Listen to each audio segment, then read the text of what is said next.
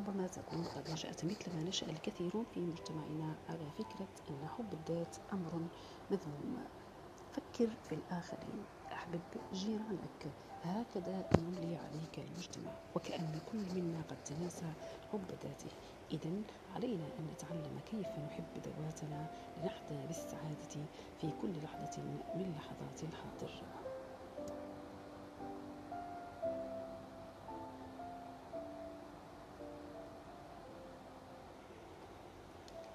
لقد تعلمنا في مرحلة الطفولة أن حب الذات والذي هو أمر طبيعي هو شكل من أشكال الأنانية والغرور. لقد تعلمنا أن نؤثر الآخرين على أنفسنا وأن نفكر فيهم قبل التفكير في أنفسنا إذ أن هذا يظهرنا بالمظهر الطيب أمام الناس. لقد تعلمنا إن كان ذواتنا وتأصلت في أنفسنا تعليمات كأن نقوم بمشاركة أبناء عمنا مثلا فيما لدينا من لعب. لم يأبه أحد بكوننا أصحاب هذه اللعب أو تلك المقتنيات وربما أخذتنا الدهشة حين رأينا والدينا يتمتعون بممتلكاتهم دون أن يشاركهم فيها الآخرون. ربما سمعنا كثيرا من يقولون لنا الأطفال يرون ولا يسمع صوتهم وأنه يجب علينا أن نعرف مقامنا. إن الأطفال بفطرتهم الصافية يدركون مدى قيمتهم وجمالهم وأهميتهم الهائلة ولكن تأصلت في أنفسهم تلك الرسائل. التي يصدرها, يصدرها ويفرضها عليهم مجتمع الكبار قبل أن يصلوا إلى مرحلة البلوغ. لقد غابت عنهم الثقة بالنفس وتأصل ذلك في أنفسهم مع مرور السنين. وعلى أي حال لا يجب علينا أن نحب أنفسنا. ماذا يقول عن الآخرون إن فعلنا ذلك؟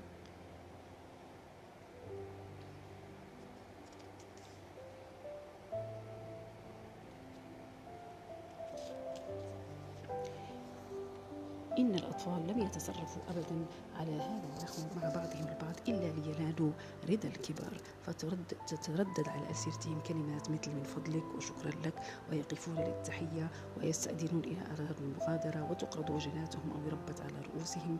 والرسالة وراء كل هذا واضحة. الكبار لهم أهمية كبيرة والأطفال لا أهمية لهم. الآخرون لهم قيمة وأنت كطفل ليس لك قيمة. وعلى الطفل ألا يثق في حكمه على الأشياء وهذا هو البند الأول الذي يضعه الكبار.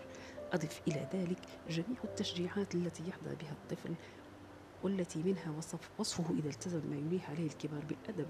إن هذه القواعد التي يطلقون عليها الأخلاق قد ساعدت الطفل على إدخال أحكام الآخرين على حساب قيمه وأحكامه الخاصة. وليس من المدهش أن تجد نفس هذه الأسئلة والمفاهيم التي تتمحور حول إنكار الذات متأصلة في الكبار كذلك. فكيف تعمقت هذه الشكوك والوساوس في نفوسهم؟ وفي إطار حبك للآخرين قد تجد في وقت من الأوقات مشكلة أمامك وهي أن منحك الحب للآخرين يرتبط بشكل مباشر بمدى حبك لذاتك.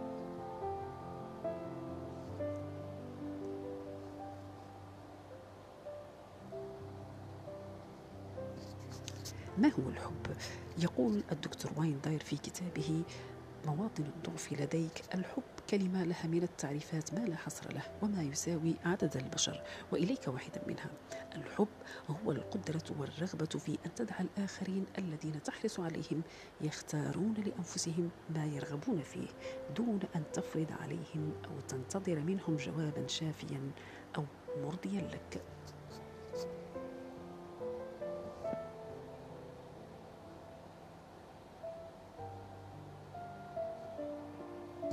لكن كيف يمكننا أن نصل لهذا المستوى من الفهم والقدرة على أن نترك الآخرين مطلق الحرية في أن يختاروا لأنفسهم ما يشاءون بغض النظر عما إذا كان ذلك سيوافق توقعاتنا أم لا؟ الأمر بسيط للغاية. يمكنك يمكنك أن تصل إلى هذا المستوى إذا أحببت نفسك إذا شعرت بمدى قيمتك إذا أحسست بالجمال في ذاتك. إنك إذا أدركت مدى ما تتمتع به من مزايا فلن تكون في حاجة لأن يعزز الآخرون من قيمتك أو يدعموا قيمك بأن تفرض عليهم سلوكا معينا.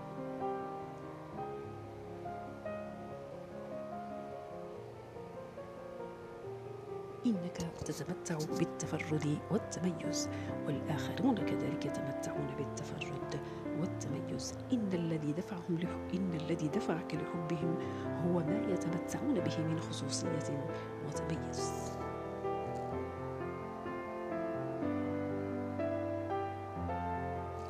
إنك إذا أدركت ذلك ستجد أن بمقدورك أن تشعر بعاطفة الحب لذاتك. فتمنحهم ما يحتاجون إليه وتؤدي لهم ما تستطيع تأديته كل ذلك من خلال أن تمنح أولا نفسك ما تحتاج إليه وتحقق لها ما ترغب فيه. إنك لا تقوم بما تقوم به نحو الآخرين لمجرد أنك تنتظر منهم عبارات الشكر والامتنان أو لأنك تنتظر منهم مكافأة. إنما تقوم بذلك من أجل تحقيق نوع من المتعة الخالصة لذاتك حينما تأخذ بأيديهم أو تمنحهم حبك.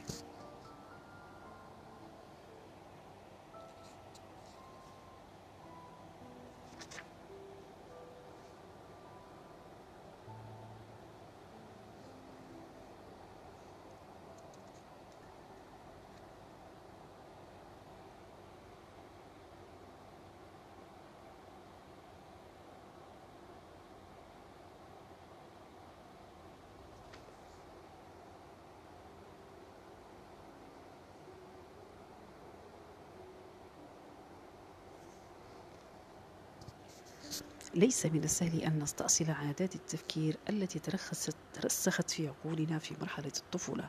فقد يظل رأيك في نفسك مرتبطا بآراء الآخرين فيها ويدور في فلكها. فإذا كانت آراء الكبار هي المسؤولة عن ترسيخ الانطباعات الأولى المتعلقة برأيك في نفسك فمن الخطأ أن تظل متثبتا بها إلى الأبد. إنني أتفق معك على أن الخلاص من تلك الأغلال القديمة ومحو تلك المخاوف والهواجس المؤذية هي أمور يصعب تحقيقها في كثير من الأحيان. ولكن الأصعب هو أن تتشبث بها رغم ما تعلم من عواقبها السيئة. بإمكانك أن تقوم بتدريب عقلك على اختيارات حب الذات التي ستدهشك.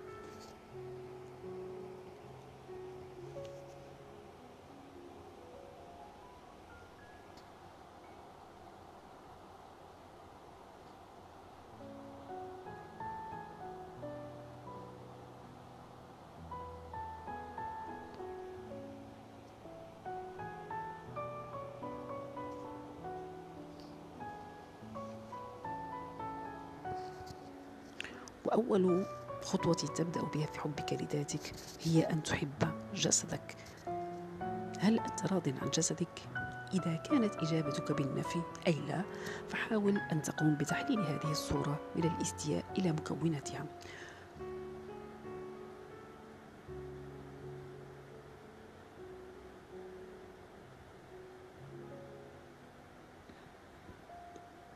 قم بإعداد قائمة بالجوارب الجسمية التي تستاء منها ولتبدأ من أعلى جسمك.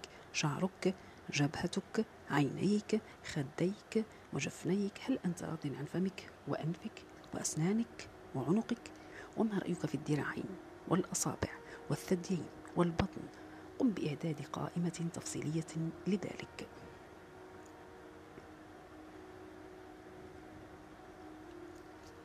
أدرج في القائمة كذلك الأعضاء والأحشاء الداخلية كالكليتين والطحال والشرايين وعظام الفخذين.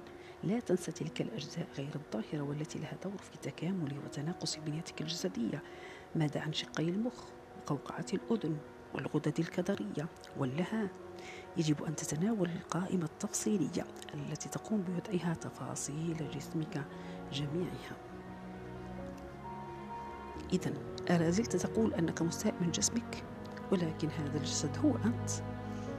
إنك إن لم ترضى عن جسمك فكأنك لا تقبل نفسك كإنسان.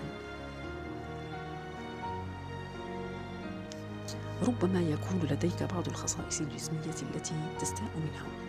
إن كانت هذه الخصائص قابلة للتغيير فاجعل تغييرها وتعديلها هدفا بين أهدافك إذا وجدت مثلا أن لديك ضخامة في حجم البطن أو في لون الشعر عليك أن تتخذ قرارات بتغييرها كممارسة الرياضة أو تغيير لون شعرك. أما الأجزاء التي أنت مستاء منها والتي ليست قابلة للتعديل أو التغيير فيمكنك أن تنظر إليها من منظور جديد. أحبب جسمك لا تدع الآخرين يفرضون عليك آراءهم بل عليك أن تنبذ آراءهم. إن بمقدورك أن تقرر ما هو جميل ومبهج بالنسبة لك.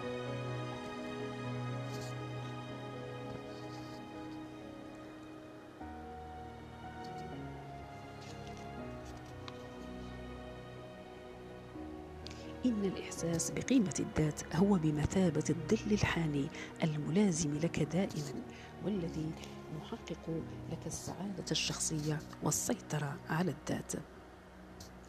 أنت موجود أنت بشر وهذا كل ما أنت في حاجة إليه. أنت الذي تحدد قيمة نفسك ولست في حاجة لأن تعرض الأمر على الآخرين. إن قيمة الذات لا علاقة لها بسلوكك ومشاعرك. فقد لا ترضى عن سلوك سلكته في موقف معين ولكن ليس لهذا علاقة بقيمتك الذاتية.